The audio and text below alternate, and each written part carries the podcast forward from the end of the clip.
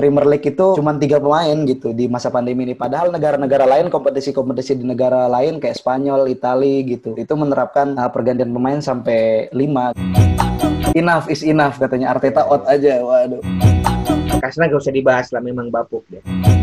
Pekan internasional di masa pandemi adalah benalu bagi industri sepak bola. Kenapa nggak mau ngilangin pekan internasional? Dan nanti dari mana cuannya? Kalian itu bukan Zlatan. Please ikuti protokol kesehatan. Skornya 12 sama. 12-12 gol itu diborong oleh Wawan. Ternyata Wawan. Siapa Wawan? Walaupun gue nggak nggak dukung Real Madrid ya, tapi Ramos layak dijadikan pahlawan. Pertama kiper ada pahlawan dari Aceh, Cutnya Din. Ada attacking midfieldernya Sultan Sahrir. Di, di pertandingan kira-kira skornya berapa nih, Bang? Aduh, harus dibuktikan langsung nih di selokan Mataram.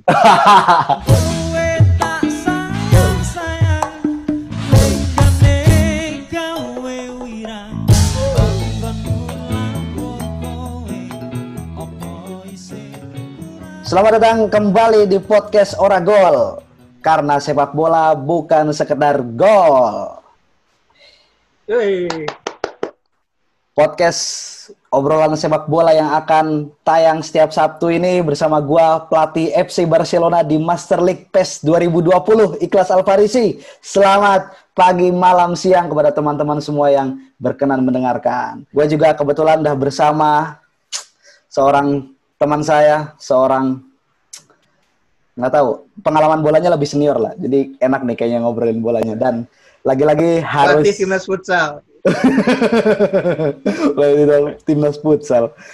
Eh, ada mahasiswa UGM penerima beasiswa LPDP, Fikri Farurizal. Selamat Wah. Selamat pagi. Wah, bawa-bawa partai ini. Apakah antum akan menjadi Veronica Koman selanjutnya? Wah. Veronica itu gak cantik mainnya. oh, nggak cantik mainnya ya. Ya, nih bang. Sibuk apa nih akhir-akhir ini nih? Kita btw Sibuk, rekaman iya. dengan met, apa? Dengan metode social distancing masih ya, karena keadaan Iya, masih, masih, ju- belum juga membaik. Gimana? Sibuk apa, Mang? Ya, sibuk eh, kuliah aja biasa mahasiswa kan. Baca-baca jurnal, Wis. review jurnal gitu. Lalu kalau tadi nyinggung soal karena masih pandemi, kita rekaman masih pakai metode jarak jauh, tapi kita nyoba untuk ini kan Riz kan eh, tetap produktif, tidak terhalangi oleh jarak. Betul kita. sekali. Ya ini setelah episode kemarin sempat absen di episode kali ini kembali bermain. Gimana nih, Mang? Iya. Pertandingan Jadi kemarin baru pertandingan kedua ini udah absen nih. Duh, ini caps Iya. kurang jadinya. Iya, karena gue itu kemarin ini cedera, efek dari pandemi yang akan masa preseason dan pemulihan fisik. Waduh. Jadi baru pekan kedua udah cedera, jadi eh, bisa dipahami lah. ini. Karena bukan Ah. cuma gue kan. Kita Ah. lihat pekan-pekan kemarin pertandingan banyak pertandingan yang hasilnya di luar nalar. Iya ya, banyak apa pelatih-pelatih mengeluhkan kayak misalkan ada Jurgen Klopp eh, yang dia tuh ini ya ngeritik apa Premier League gitu, Premier League, PT liganya lah, PT Lipnya itu menolak apa namanya peraturan pergantian pemain lima pemain gitu. Jadi Premier League itu cuma tiga pemain gitu di masa pandemi ini. Padahal negara-negara lain kompetisi-kompetisi di negara lain kayak Spanyol, Italia gitu, Jerman gitu itu menerapkan uh, pergantian pemain sampai lima gitu. Makanya itu yang dikeluhkan. Dan itu hal itu juga diungkapkan senada sama Pep Guardiola, Solskjaer juga ngomong kayak gitu. Nih tumben tiga pelatih itu kompak gitu ya. Ya. Ya itu kepentingan itu demi kepentingan klub yang sudah bayar mereka. Tapi ya be- begitulah itu kan. Eh, kalau kita lihat hasil pertandingan liga-liga top Eropa pekan kemarin, apa yang pernah kita diskusikan di episode pertama soal ketiadaan preseason, bukan ketiadaan mungkin ya, tapi sangat mapnya waktu preseason dan pemulihan fisik gara-gara pandemi ini tercermin pada hasil pekan kemarin di mana banyak tim-tim besar tumbang dan kalau dilihat polanya sejak pekan pertama itu kan tidak ada tim yang benar-benar mendominasi. Hampir semua tim sudah kalah kalah, termasuk tim-tim gede, tim-tim tradisional itu udah kalah. Ah, ah, ah. Ya kan terakhir Madrid 4-1. Barca juga sempat kalah sama apa ya? Kita sama Alave, eh sama Getafe. apa ya? Lupa. Dua kali kalah Serie A walaupun Dua kali kalah di Serie A berturut-turut. walaupun ada yang masih walaupun ada yang masih unbeaten, tapi Waduh. kan itu belum apa belum bisa menjamin kan. Milan pun kan dalam dua partai terakhir lawan Udinese meskipun menang kesulitan. Lawan Verona juga dipaksa seri. Artinya kan Milan pun meskipun unbeaten tetap kena efek dari timnya preseason. Aduh itu tadi. Iya, apalagi tim sekelas Milan yang hari ini tuh kalau kata pundit-pundit, gue denger tuh kayak Milan tuh sekarang kayaknya nggak ngincer juara, dia cuman lagi eh, ngebenerin tubuhnya aja dulu, ngebenerin badannya dulu gitu. Kalau misalnya badannya udah bener, baru tuh nyari juara. Tapi sebagai fans Milan, apakah anda sepakat dengan pandangan kayak gitu? Ya gue sepakat ya Nah, karena kita sama-sama mantan LPM gue pakai apa ilustrasi apa eh, ilustrasi perusahaan media di media kan ada bagian perusahaan ada bagian redaksi ya Oh Milan iya. tuh sekarang lagi benahin bagian perusahaannya makanya dia Oh iya iya. iya. ngontrak Ivan Gazidis mantan CEO-nya Arsenal. Nah dia tuh untuk benahin apa eh, Milan dari sisi perusahaan karena itu terbukti bikin Arsenal cukup apa sustain sebagai perusahaan ya meskipun sebagai klub di lapangan sebagai redaksi itu Oke. tidak- apa debatable ya. Nah Milan pun sekarang apa sedang me, apa sedang menjalani proses itu gitu. Ya Ah. gua sih sepakat dan gua termasuk orang yang sabar dengan proses itu. Oke oke. Nah bicara hasil-hasil pertandingan sepak bola yang banyak mengejutkan, ini sedikit kita ulas ya. Ini gua dapat banyak catatan dari eh, hasil pertandingan-pertandingan kemarin, walaupun udah lumayan lama ini kita di, direkam beberapa hari setelah pertandingan-pertandingan itu selesai gitu. Ada Juve yang kembali harus menelan hasil imbang lawan Lazio. Terus Milan juga belum bisa kembali menang setelah dipaksa imbang lawan Verona. Ini kayaknya apa ya? Ada yang bilang Milan cepat banget kehabisan bensin, tapi kayak gimana nih? Terus ada Arsenal juga yang padahal dia habis menang kan, habis menang lawan MU, terus Iya. kalah gitu secara mengenaskan 0-3 dari Aston Villa dan bapak-bapak yang ngefans sama Arsenal dari 96 seorang pundit yang lama di itu ngamuk-ngamuk di Twitter ya kan. Enough is enough katanya Arteta out aja. Waduh. Terus ada juga Real Madrid dapat tiga penalti lawan Valencia. Ini apa ini? Ada yang bilang mitosnya katanya Madrid itu emang selalu sial gitu di di musim di mana dia tuh punya jersey apa jersey Warna pink dan dipakai gitu selalu sial. Ini menurut lu gimana, Mang?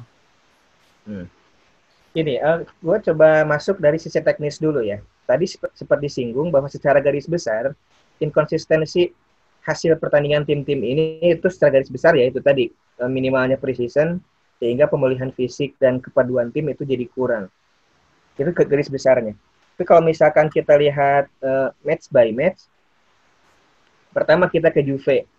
Ya ini gitu loh, perjudian Juve menunjuk Pirlo ya kebukti gitu di partai-partai yang seharusnya Juve itu bisa menang kan partai ya ecek-ecek kayak gitu ya Pirlo nggak bisa apa-apa gitu kan. Harus ada seorang Ronaldo yang menentukan hasil. Kalau Milan ya jelas lah ya tim ini sedang dibangun. Apalagi kemarin baru dibantai Lille 3-0 di Europa League. Dan Verona pun memang punya track record menyulitkan tim-tim tradisional di Serie A. Sebelum Iya, iya, lawan iya, Milan iya. kan Verona bantai Roma 3-0 Hmm. kalau Arsenal ah, Arsenal gak usah dibahas lah memang bapuk deh. Lalu Madrid gua rindu Arsenal zaman Thierry Henry please kembalikan Kembalikan Madrid, serangan serangan balik yang mematikan itu Arsenal gitu ya. Iya. Kalau Madrid dia apa ya? Gue nggak terlalu lihat tapi ini Madrid tuh semenjak dia apa hat trick champion, skuadnya itu nggak nggak banyak yang berubah. Pemain yang yang datang dan pergi itu pemain-pemain kelas 2 lah yang tidak bisa langsung memberikan hasil. Ah, ah, Ada ah. harapan pada Eden Hazard tapi dianya sering cedera. Lagi mana iya dia? iya iya. iya. dia pantas mendapatkan hasil yang seperti pekan kemarin dan inkonsistensi selama ini. Menurut gue sih gitu. Ah, ah, ah.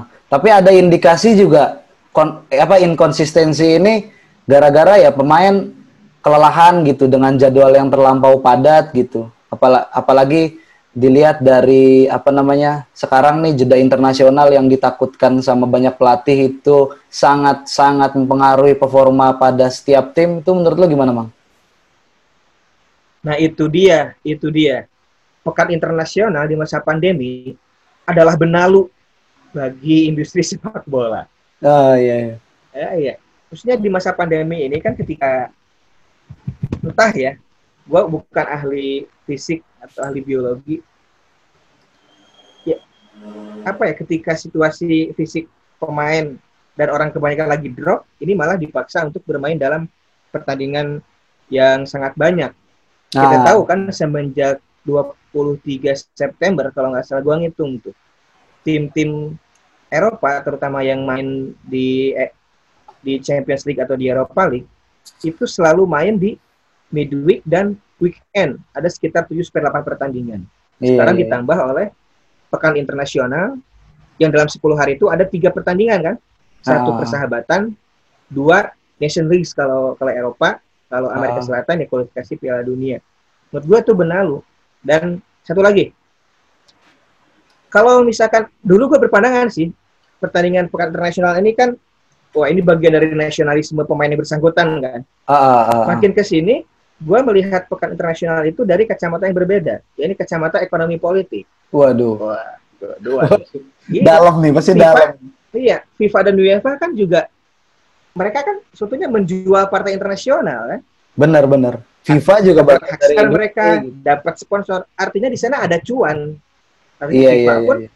kenapa nggak mau ngilangin pekan internasional dan nanti dari mana cuannya? Nah itu ah. yang bikin gue apa uh, gelisah di Twitter FIFA ini gak mau ngalah gitu kan. Iya iya. FIFA iya. bedakan lah dengan dengan PT Liga Champions atau PT Liga-Liga. FIFA itu tidak apa bukan bukan perusahaan atau industri semata gitu kan. FIFA uh, uh, juga dia uh, you know lah. Gimana uh, kamu menurut lo? Iya, ini gue baca di The Flanker ya. Wah, kayaknya bacaan kita sama nih ya soal apa jeda internasional. Kayaknya soalnya gini, Bang, apa sekarang sebentar, tuh sebentar, sebentar. Sorry, sorry, sorry ini perlu diluruskan. Bacaan gue lebih dari the flanker ya, bacaan gue bahasa Inggris, atletik. Siap, siap, siap, siap. Ya, gue juga baca. Cuman kan repot ya kalau baca-baca media luar harus pakai Google Translate dulu. ya, jadi baca yang Indonesia Indonesia dulu. Soalnya gini, Mang.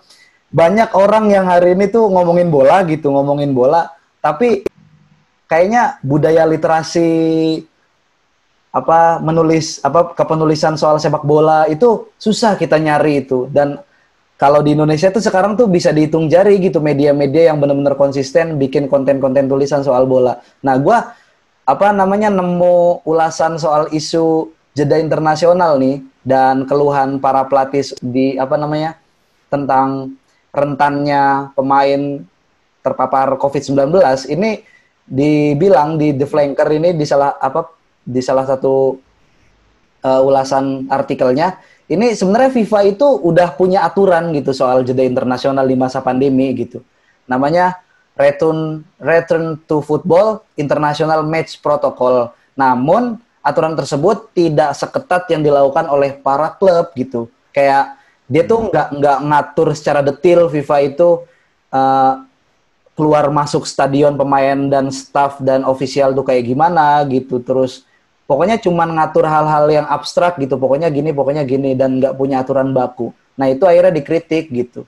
Padahal masing-masing negara pun punya aturan protokolnya sendiri-sendiri gitu. Kayak misalkan uh, dan bahkan itu berbuah konflik gitu. Kayak Napoli kan pernah di ini ya pernah disanksi gitu sama PSSI-nya Italia uh, gara-gara dia nolak main tandang ke kandang Juve kalau nggak salah.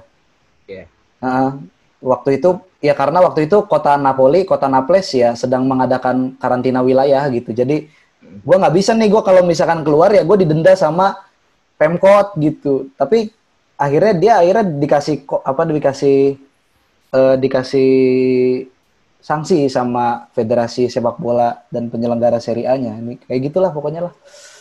Ya kekhawatiran klub kan itu. Jadi klub itu tidak percaya dengan penanganan oleh timnas masing-masing. Kalau klub kan dia gini aja lah analoginya. Sekolah di kita ya swasta itu kadang lebih profesional pelayanannya daripada I see, I see. Oke. Okay, Sorry okay. to say ya, meskipun ini perlu riset tapi ini pengamatan pribadi gue ya di, di lapangan gitu. Nah, pengamatan pribadi ini, dan pengalaman. eh, kita tuh alumni kampus negeri loh. Oh iya, siap. Tapi kan berkarir di swasta. Sorry negeri. Iya, yeah. nah klub itu seperti itu gitu kan karena nggak semua mungkin negara-negara yang maju kayak Jerman, di negara Eropa lah ya Inggris, ini mereka punya di, di timnas masing-masing protokolnya bagus lah ya. Tapi gimana ah. dengan negara lain gitu kan? Di mana klub itu nggak percaya. Kasus terakhir kan itu pemain Kroasia, Domagoj Vida, dia main setengah babak, di babak kedua kalau nggak salah itu ada laporan bahwa Vida itu positif COVID. Oh. Coba di tengah pertandingan. Nah, itu kan perlu dipertanyakan itu apa eh, pen, dari pihak PSSI-nya Kroasia uh. itu kan kok bisa seorang kok bisa, ya? yang COVID lolos. Uh, dan, kan dan klub, harus klub, ya, pemain klub, yang ada di lapangan harus dites. Uh, klub jadi pihak yang paling dirugikan ya, pulang-pulang COVID aja. Iya jelas. Uh. Jelas. Cuman, iya, cuman, kan.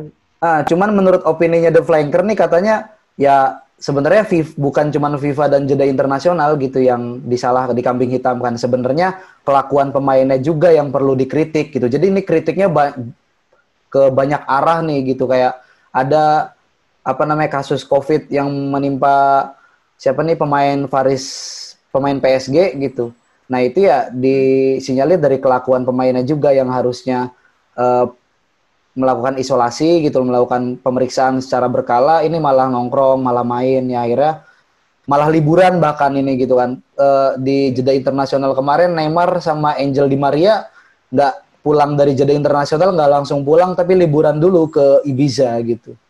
Terus ada Phil Foden juga sama Mason Greenwood nongkrong-nongkrong gitu. Tapi ya kita nggak bisa nyalahin juga ya namanya pemain ya pemain juga manusia gitu butuh nongkrong butuh nyantai-nyantai gitu. Iya betul. bisa dikejar sama target ayo abis main internasional main klub lagi gitu. Ya iya. gimana ya? Harusnya kan klub punya kuasa untuk apa menahan mereka main-main kan. Bisa aja klub naikin denda atau apa gitu kan. Sebetulnya bisa aja. Tapi pada akhirnya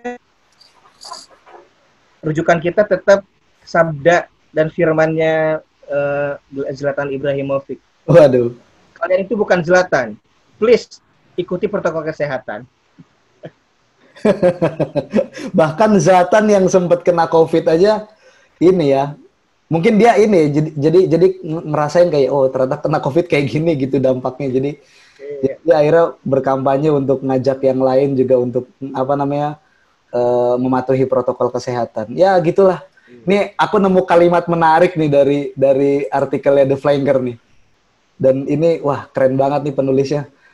Banyak bencana besar yang terjadi dalam dun sejarah dunia. Air bah pada masa Nabi Nuh, letusan Gunung Tambora, Perang Dunia II, flu Spanyol, dan jeda internasional. Waduh. Iya, memang aduh, dilematis sih, dilematis. Meskipun gini, uh, terakhir mungkin ini soal jeda internasional kita harus fair ya. Uh, eh, gue sih termasuk orang yang uh, memandang gak penting-penting banget ada Nations League. Ya. Oke. Okay. Tapi pagi ini gue mendapat kabar bagus bahwa Nations salah satu tujuan Nations, Nations dibentuk itu kan untuk mengakomodasi tim-tim buram bisa masuk Euro kan. Oh, nah, iya, pagi iya, ini iya. ada kabar debutan di Euro 2020 nanti yaitu Makedonia Utara. Goran oh, Pandev. Hmm. Ya, itu pertama kalinya Makedonia Utara mencicipi turnamen internasional kelas itu, Piala Dunia dan Piala Eropa. Itu Eropa bagian mana itu? Kalau Belanda Eropa Timur dia. Kalau Belanda, Jerman, Inggris kan Eropa banget. Ya. Kalau itu Eropa aja. Eropa aja. itu ya, Eropa ini, Timur. Uh, ya? Dia Eropa coret deh. Eropa coret. Ya, Eropa coret. jadi jadi ada Eropa kota gitu. Kayak yeah. ada Eropa coret. Iya iya iya iya iya. Ya. Tapi ya, itu ya, ya. ngelihat geliat sepak bola dan pertumbuhan timnas-timnas yang ada di Eropa Timur kayaknya menarik ya buat diperhatiin gitu. Makin-makin gitu. Ya boleh. Uh, boleh. Nanti sesekali kita angkat satu satu sesi sendiri lah, satu episode sendiri, boleh. Buat ngulas Eropa Timur. Iya. Ya itu. Mas, apa gue juga harus kan Nations League akhirnya pagi tadi uh, berhasil mencapai tujuannya. Makedonia menjadi timnas ke-35 timnas ke-35 yang berbeda yang pernah mencicipi Euro.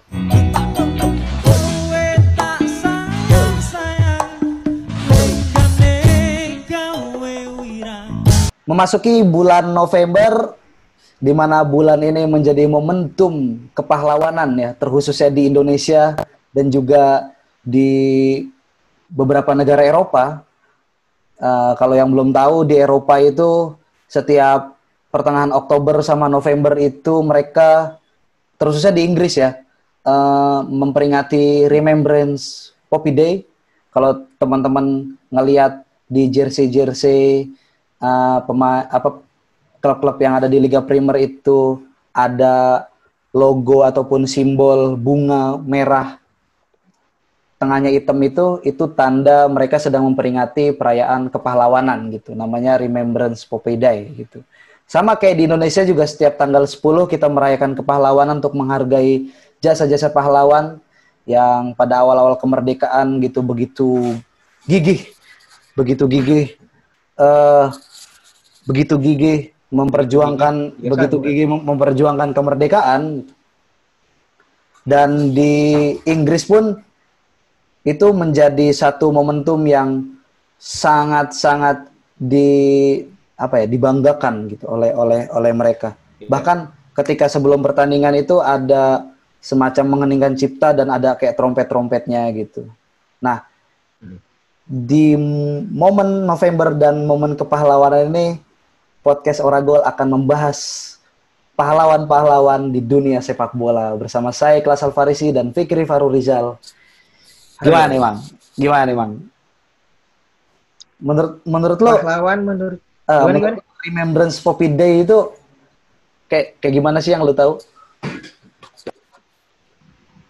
Sebetulnya bacaan gue soal Remembrance Poppy Days ini sangat terbatas gitu kan. Malah yang tadi lo bilang di pengantar, gue justru baru tahu itu kan. Tapi ya intinya uh, fenomena apa uh, peringatan atau acara besar sebuah negara kemudian mendapat panggung diperingati juga di lapangan hijau ya ya itu memang apa ya ya fenomena yang menarik unik dan memang udah semestinya kan seperti yang udah kita bahas di episode lalu bahwa ada yang lebih agung ada yang lebih sakral di luar sepak bola itu tadi mungkin ya penghargaan terhadap orang-orang terdahulu leluhur kita yang sudah memperjuangkan ya kehidupan yang kita nikmati sekarang itu yang bisa komen itu yang bisa dua komentari. Hmm. Sorry nih tadi agak ngeblank ya buat bikin buat pengantarnya soalnya lagi anak rekaman tiba-tiba ada yang masuk. Waduh, kaget saya ngeblank jadinya. Ya, itu cewek apa cowok? Ah, cowok. Ganggu aja nih. Ya, ngomongin soal kepahlawanan nih. Uh, menurut lu sepanjang lu nonton bola, Mang, kira-kira kan banyak nih momen-momen yang udah dilihat gitu disaksikan kita sebagai fans ada nggak sih uh, yeah. pemain-pemain ataupun siapa pun gitu dalam dunia sepak bola yang yang menurut lu tuh ini pahlawan nih, pantas jadi pahlawan nih? Ada. Oke. Okay. Uh, eh, kita mulai dari versi gue dulu ya. Kriteria pertama dan satu-satunya bagi gue soal pahlawan di sepak bola itu satu, dia harus bisa merubah hidup gue. Pahlawan yang pertama adalah Sinisa Mihailovic. Wah, Sinisa Mihailovic Iya, yeah, dialah yang uh, membuat gue jatuh cinta pada bola. Ya gara-gara headline di majalah Liga, Liga Italia itu butuh uh. dia kiper untuk menghentikan tendangan sini Semeherovic. Wah gila ini orang ini. Dari sana lah awalnya gue suka sama F1. Dari sana gue mendalami baca-baca artikel, iseng-iseng nonton, nonton Lazio dulu pada awalnya. Pada akhirnya kemudian Milan jaya dengan akhirnya jadi Milanisti. Tapi titik perubahan itu ada di sini sambil Hailovic. Dia benar-benar merubah hidup gue yang awalnya tidak suka bola jadi suka bola. Yang kedua, Bambang Pamungkas, cuy. Wah, lokal pride ya. Iya, meskipun gua mau Bandung ya, bobotoh tapi gua harus harus fair gitu ya, harus fair. Ah, ah, ah. BP ini meru- merubah pandangan gue bahwa jadi pemain bola yang bagus itu nggak harus punya fisik yang gede tinggi gitu. Paribasa kan bahelanya Ah, ah, ah. kalau kita main ini apa eh, bola sama anak-anak gitu kan. Wah, kita kalah. Wah, lawan gede-gede, jarangkung, tinggi-tinggi, Eh, wajar gitu kalah. wajar gitu kan. Itu dijadikan alasan. Nah, Ah, BP itu merubah pandangan gue soal itu. Gitu. Dia pendek, tapi kan yang melekat di ingatan orang kan justru sundulannya ya, iya benar-benar. Wah, BP. Nah, dan dan nomor tiga lebih lokal lagi tokohnya. Saya ingat gue namanya Wawan. Wawan sebetulnya pemain bentar, bentar, bentar. Wawan. Dia itu Wawan dia. Wawan. Nah, dia itu pemain tarkam di kampung. Sebenarnya bukan pemain kampung gue sih, dia tuh kampung utara, Kaler gitu kan, orang-orang Kaler. Nah, dia ini tongkrongannya sama sekali bukan pemain bola. Bahkan ketika yang lain itu pakai sepatu bola pool yang plastik, ya, itu, yang yang pokoknya sepatu pool. Dia tuh main bola pakai sepatu ini, coy. Pakai sepatu lari biasa, sepatu harga biasa. Celananya Oh. sontok, bukan celana apa bukan celana kolor bola bukan celana sontok yang yang di bawah lutut dikit gitu. tapi Iya, dia iya, itu iya. striker yang mematikan apa di apa eh, apa di depan gawang bahkan pernah itu dia itu lawan salah satu tim kebanggaan kampung gue itu Granat ya nah lawan tim Kaler itu skornya 12 sama 12 12 gol itu diborong oleh Wawan 12 Keren nggak tuh? sama. Wah, 12 golnya. Iya, jadi kejadian dramatis itu nggak cuma ada di film, itu nyata di depan mata gue di kampung gue. Wawan lah. Dan lu waktu itu nonton kejadian Nonton full match. Wah, ngeri, ngeri. Iya, Wawan itu. Jadi gue ibarat apa bayangin Wawan itu seperti Jamie Vardy, cuy. Striker hebat, Waduh. tapi berada di klub kecil. Waduh. Meroketnya pun baru apa baru-baru ini meroketnya. Nah, itulah Wawan. Dan gue juga bertanya-tanya, kenapa Granat sebagai perwakilan kampung gue untuk apa tarkam di level atas itu gak pernah ngelirik Wawan. Jadi gue heran sampai sekarang. Dan sekarang Wawan orang eh, orangnya masih hidup dan ya udah tua kan sekarang kan ya. Dia sekarang takmir masjid ininya. Waduh. itu Dari- taktik Dari pemain gue. bola tajam di depan gawang dan sekarang mengabdikan dirinya untuk kemaslahatan umat ya. ngeri ngeri wawan. Aku kira kamu sebagai gue. eh, gua, gua kira lu sebagai penonton bola yang lebih lama gitu dari gua gitu. Itu bakal nyebut-nyebut pemain-pemain klasik ternyata Wawan. Siapa Wawan? Iya ya. Nih, kalau menurut gua nih wah ini gua kan generasi 2000-an ya, ngelihat bola itu bener-bener ngeh bola kan ya pasca Piala Piala Dunia 2006, 2008 gitu dan menurut gua Iya, iya. ya sepanjang gua nonton bola itu ada ya tiga pemain lah yang yang menurut gua nih nih pahlawan gitu, pahlawan banget gitu. Ini ada Sergio Ramos menurut gua.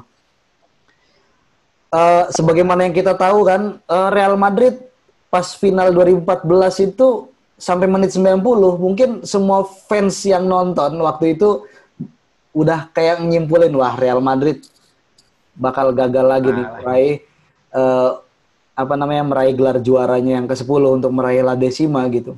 Tapi anggapan sebagian fans yang tidak militan kepada klubnya itu dipatahkan sama Sergio Ramos bahkan ketika pertandingan itu 32 detik lagi akan selesai secara resmi. Oh gila itu ya. Gila. Gila ya, 32 detik, 2 detik lagi.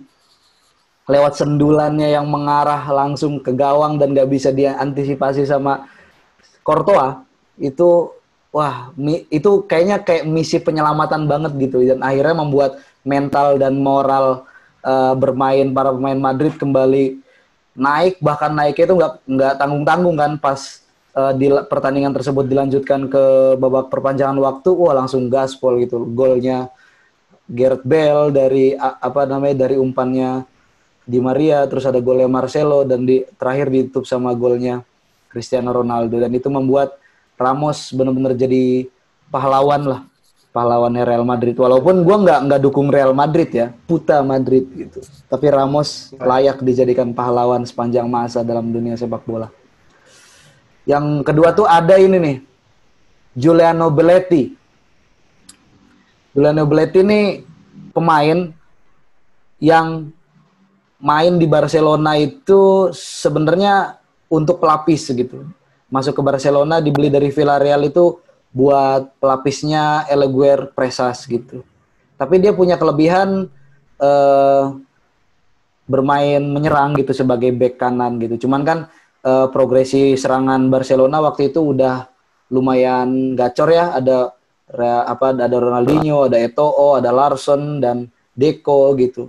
Nah, di final Liga Champion 2006 Barcelona ketemu sama Arsenal. Waktu itu kan Barcelona benar-benar punya asa untuk apa juara gitu karena dia udah berhasil lima kali tampil di final Liga Champion dan empat dari uh, dari lima yang dia berhasil masuk ke final Liga Champion itu hanya sekali berhasil memenangkan trofi Liga Champion dan dia lagi berharap memenangkan yang kedua kalinya. Sama kayak lawannya juga Arsenal yang masih diisi sama squad-squad invisible yang tadi lu sempat singgung itu mang. Masih ada Terry Henry waktu itu terus masih ada Dennis yeah. Bergkamp masih ada Ljungberg masih ada Sol Campbell gitu.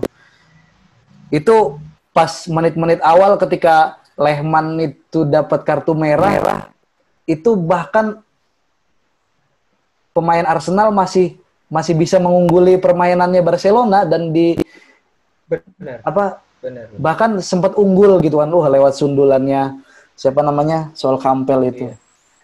Tapi, hmm, tapi apa namanya Barcelona berhasil menyamakan kedudukan di menit 41 dan uh, kejadian yang sangat menurut gua wah ini keren banget. Itu awal-awal gua senang sama Barcelona ya di situ kayaknya mang. Ada pemain masuk gitu kan. Ini nggak nggak terkenal lah nih siapa nih pemain nih gitu kan.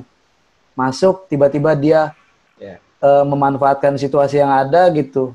Pas itu hujan kalau nggak salah tuh. Wah hujan-hujan dan dia cuma memanfaatkan beberapa sentuhan gitu dan dia berhasil mencetak gol uniknya gitu. Giuliano Belletti ini cuman nyetak gol sekali untuk Barcelona.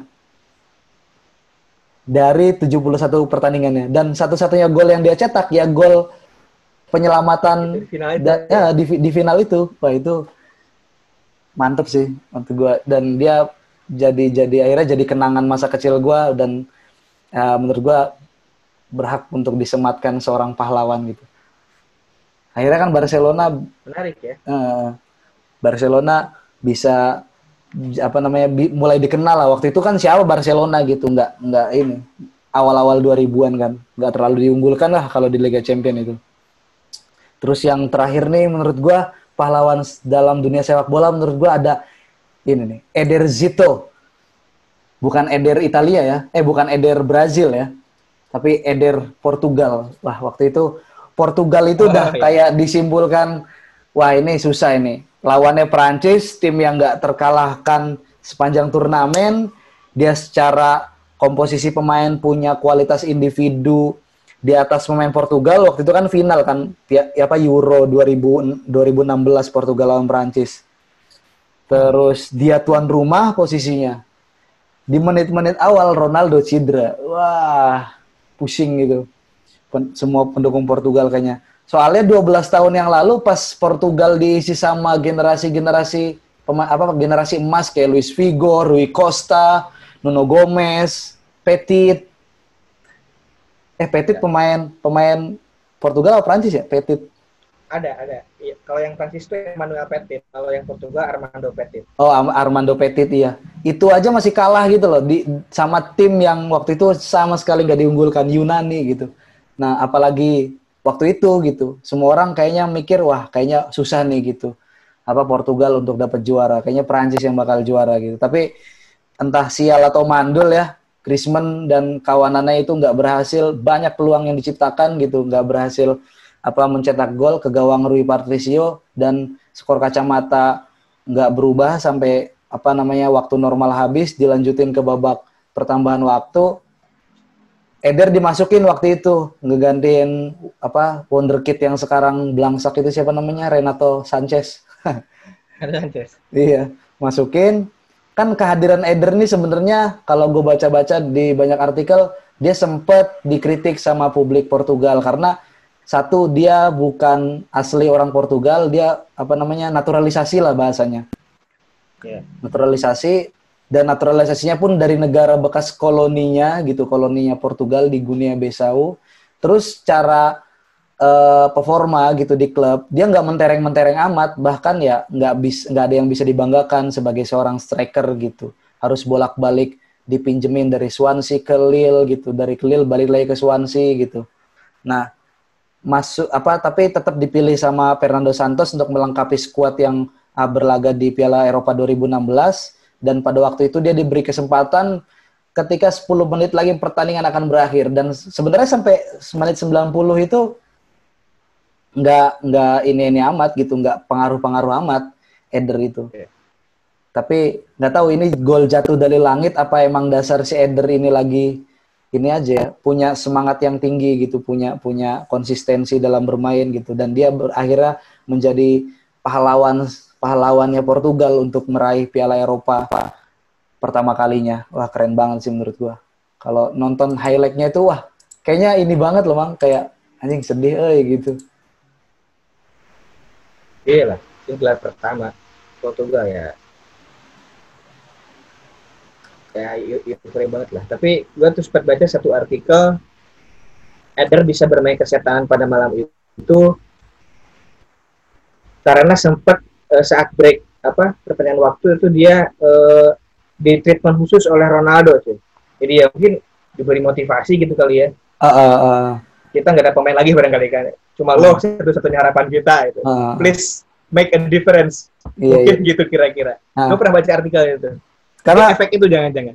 Nah, karena pas gue lihat highlightnya itu dia kan ngegantiin Renato Renato Sanchez ya, yang mana kan Renato Sanchez main di sayap kanan kan. Nah, pas babak kedua perpanjangan waktu itu dia main lebih ke dalam, main di tengah itu. Yang mana itu posisi dia sebenarnya kan si Edir itu kan pemain apa posisinya penyerang murni ya. Nah, lebih ke dalam dan hmm. beneran berhasil gitu. Dapat apa umpan dari siapa nomor nomor 8 itu nom, Andre Silva. Terus biasa kalau di PS kan biasanya kalau kalau back back ngepres kan kita bisa bisa apa namanya bisa ngebohongin dengan mencet arah yang berbeda tuh. Set akhirnya ketipu kan langsung mencet shoot kotak gol itu mantap sekali. Gitu. Tapi ngomong-ngomong uh, soal Hari Pahlawan nih, ini kayaknya yeah. enak nih kita sambil mem, apa namanya mengingat jasa para pahlawan, kita juga apa namanya memasukkan pahlawan-pahlawan tersebut. Kita main what if nih kalau misalkan pahlawan-pahlawan tersebut kita susun sebagai satu kesatuan starting eleven nih. Waduh. Nah, boleh, boleh, boleh. Uh, karena apa ya seru gitu kalau misalkan mengandaikan gitu para pahlawan-pahlawan kita yang dengan berbagai sepak terjangnya kan uh, tokoh-tokoh pergerakan nasional zaman dulu kan itu kan kalau kita baca gitu profil-profilnya kan punya kelebihannya sendiri gitu punya kelebihannya sendiri-sendiri. Nah ini kita kita what if nih kita what ifin kalau apa gimana misalnya kalau mereka masuk dalam starting eleven. Nah kalau lu punya squad kayak gimana mang? Gue punya squad. Gue akan uh, pakai formasi empat tiga tiga empat back tiga tengah tiga penyerang. Dan filosofi bermain gue gue akan selalu mulai serangan dari belakang, dari kiper kalau perlu. Dari kaki ke kaki ya serangannya ya? Iya, pokoknya dari belakang ya, dari belakang dari kiper, back, tengah, baru striker untuk mencetak gol. Nah, karena ini disusun dari para pahlawan, ya, uh, filosofi itu tuh gue pakai seperti apa uh, filosofinya gini. Kenapa main dari belakang? Karena kan tujuan kita gol alias kemerdekaan RI itu kan dimulai dari pahlawan-pahlawan yang ada belakangan oh, ada iya. kesadaran nasional.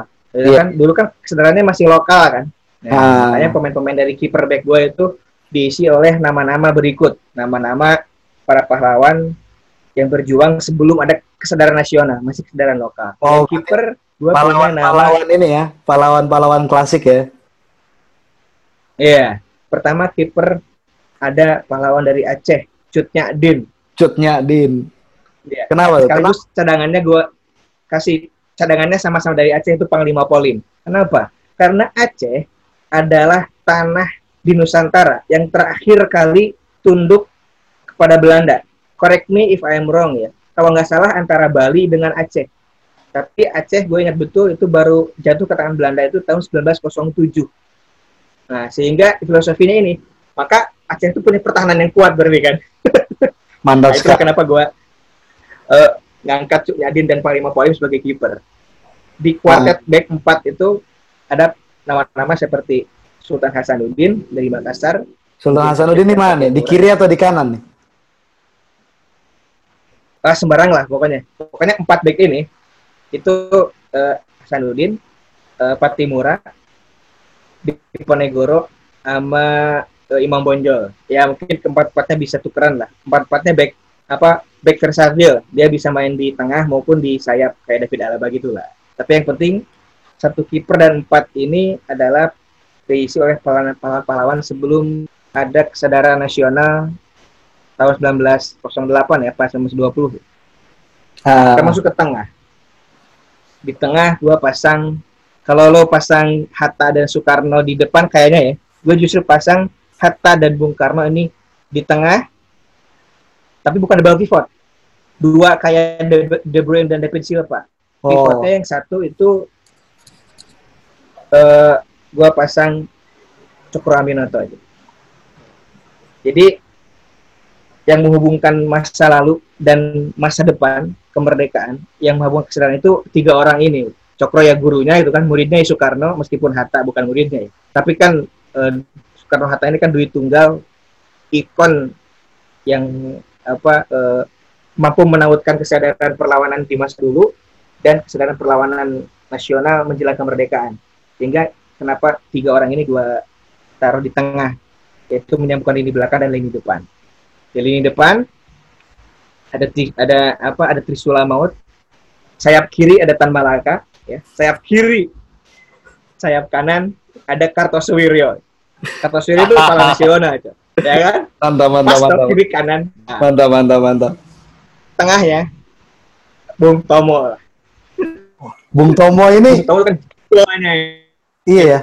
Gue tuh dari dulu bang ngomong apa namanya Bung Tomo itu, gue kira itu dia sama kayak Jenderal Sudirman, dia tuh seorang militer dan lain sebagainya. Ternyata beliau ini warlord dia tuh ya. Iya iya iya iya. Ya, ya. Ini nah, hanya itu Bung Tomo dan terakhir uh, kalau boleh gue pakai pelatih, pelatih gue Jenderal Sudirman. Dia kayak taktik terbukti dari taktik perang gerilya yang merepotkan Belanda. Thank you. Itu starting eleven versi gue. Mantap, mantap, mantap. Nah, sekarang giliran punya gue. Lo, punya lo, ayo. Uh, lawan dong, lawan dong, lawan dong. Kayaknya sulit ya melawan dream team kayak gini ya. Cuman gue pengen ngebangun oh, iya dong. apa namanya dream team pahlawan nasional ke dalam starting eleven yang apa namanya yang versi gue ini benar-benar uh, diambil dari pahlawan-pahlawan pada masa kesadaran nasional. Dari pokoknya dari masa politik etis lah anak haram politik etis. Karena menurut gua uh, apa namanya Indonesia itu sejarahnya dari situ gitu menurut gua gitu.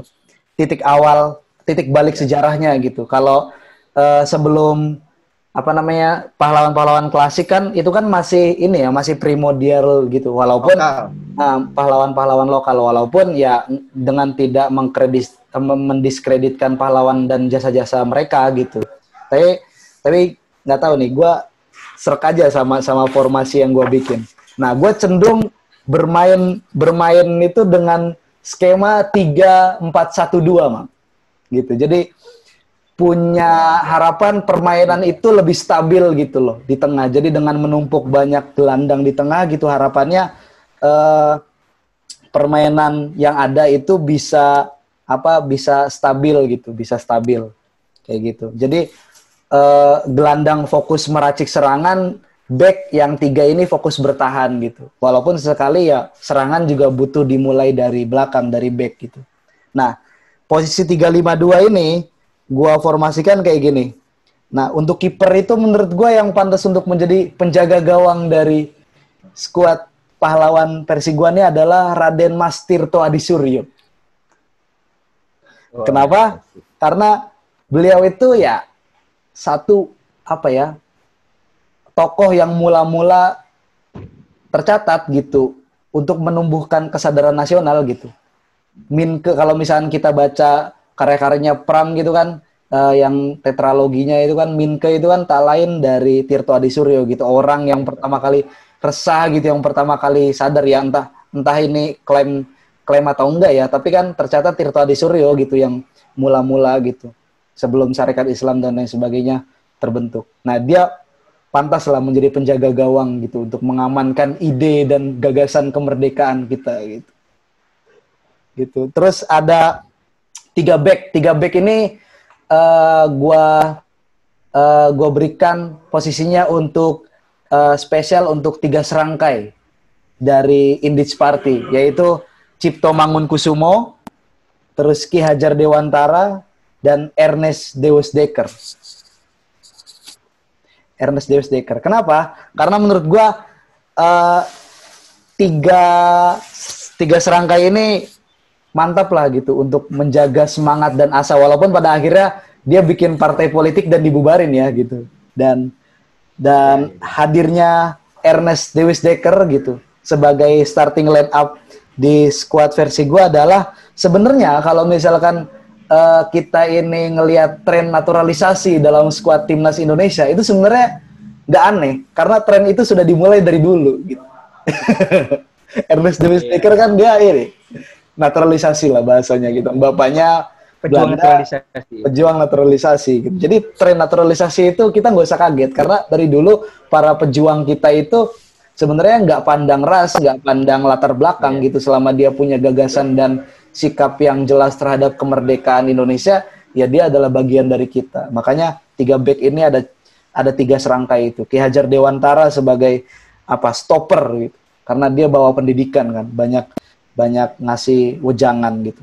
Nah, terus ada empat gelandang sejajar yang saya masukkan ke sini, dimulai dari sayap kiri, itu kalau lu kan masang Tan Malaka itu sebagai winger ya kan di depan ya. Kalau gue itu lebih iya. ke sayap kiri gitu, Tan Malaka. Karena bagi gue Tan Malaka sebagai perwakilan dari sayap kiri, literally sayap kiri gitu. Nah, itu iya, makanya. itu ideologinya bisa digunakan untuk bertahan sekaligus menyerang gitu. Oh. Sebagai, uh, uh, betul. Sebagaimana gue serang coy. Karena bertahan juga perlu kan. Dia dia ini kadang-kadang nanti bakal bakal ikut bertahan bersama para back yang ada. Nanti kan transisinya jadi lima back kan kalau misalkan diserangkan. Nah, sebagaimana gue juga memasang sayap kanan gitu. Sayap kanannya ada Haji Agus Salim gitu kan. Walaupun mungkin secara permainan tidak uh, tidak bisa ini ya klop ya dengan dengan sayap kiri, tapi mereka punya uh, keuntungan keuntungan kelebihannya masing-masing gitu. Mereka menguasai berbagai macam gagasan dan pikiran yang sebenarnya itu tujuannya sama menuju Indonesia merdeka gitu kan. Nah, terus uh, gelandang apa namanya gelandang yang gua pasang gitu dua pemain gitu. Ada K Haji Wahid Hashim dan juga Hoscok Raminoto. Nah, kenapa gua memasang dua tokoh dari generasi yang berbeda gitu? ya satu karena kolaborasi kemerdekaan ini sebenarnya itu diwujudkan gitu dengan kolaborasi yang apik antara kaum muda dan kaum tua. Oke okay nggak? oke juga, oke juga. Iya, yeah. karena menurut gua dalam satu squad itu butuh orang yang punya karismatik gitu dalam rangka memimpin serangan gitu, memimpin serangan ataupun menstabilkan permainan. Nah, di tengah ini wajib ada seseorang yang punya punya apa namanya karisma dan karisma itu menurut gue di antara pahlawan-pahlawan yang ada itu yang menurut gue ada Haji Umar Said Cokroaminoto gitu. Jadi dia tuh apa ya pemimpin moral dari skuad pahlawan nasional ya. yang ada yang gue bikin ini. Nah terus kenapa gue memasukkan ke Haji Wahid Hasim? Kita tahu sendiri orang apa Wahid Hasim adalah apa ya dengan tipikal yang moderat dan juga dia terbuka dengan berbagai macam ide-ide tanpa kemudian dia juga lu apa dia lupa dengan uh, pondasinya sebagai seorang Indonesia gitu. Uh, harapannya hadirnya dia sebagai pemain tengah ini bisa memode memoderasi permainan gitu antara bertahan dan menyerang. Iya. memoderasi Sekaligus permainan. menjaga tradisi. Betul sekali gitu. Jadi hadirnya karena tokoh-tokoh moderat itu apa ya? Tokoh-tokoh moderat ataupun pemain-pemain yang tipikal yang moderat di tengah lapangan itu diperlukan gitu untuk apa bukan cuman kemenangan yang dicari tapi permainan yang bagus juga itu penting gitu. Nah, terus gue pasang ada attacking midfieldernya Sultan Sahrir. Terus ada penyerang penyerang apa namanya target man-nya Insinyur Soekarno dan juga Muhammad Hatta sebagai second striker gitu. Kenapa gue memasang Sultan Sarir sebagai apa penyerang apa namanya penyerang lubang gitu di antara Soekarno dan Hatta? Karena Sultan Sarir punya karakter karak apa namanya ide-ide yang alternatif gitu. Kita andaikan gitu ketika eh, dua penyerang di depan itu mengalami kebuntuan untuk mencetak gol, itu diharapkan pemain yang ada di belakangnya gitu itu bisa punya ide ataupun punya inisiatif untuk apa namanya memanfaatkan kebuntuan mereka gitu. Kita lihat dalam sejarah kan ketika Soekarno sama Hatta buntu ya, nggak bisa punya pilihan selain bekerja sama dengan Jepang gitu. Sultan Syahrir tetap punya ide alternatif untuk membangun gerakan bawah tanah gitu. Ya itu perlu buat apa eh, pemain nomor 10 di belakang striker. Nah, pemain-pemain nomor harus 10 di belakang striker. alternatif gitu. Harus punya banyak akal dia. Iya, jadi apa namanya Soekarno dan Muhammad Hatta juga sebagai manusia punya kelemahan, punya titik buntunya juga kan, punya titik buntunya juga. Nah, Sultan Syahrir ini diharapkan menjadi solusi untuk menjadi pembeda dalam satu pertandingan gitu. Itu mungkin squad yang gue bangun. Ini kayak kalau misalnya ditandingkan ya, di, di pertandingan kira-kira skornya berapa nih, Bang? Kayaknya waduh harus dibuktikan langsung nih di Selokan Mataram. siap, siap. Wah, keren banget lah. Ya udah gitu aja lah episode kali ini. Udah hampir sejam kita ngobrol-ngobrol. Siap. Oke, sampai jumpa di episode-episode selanjutnya. Oke, halo, thank you.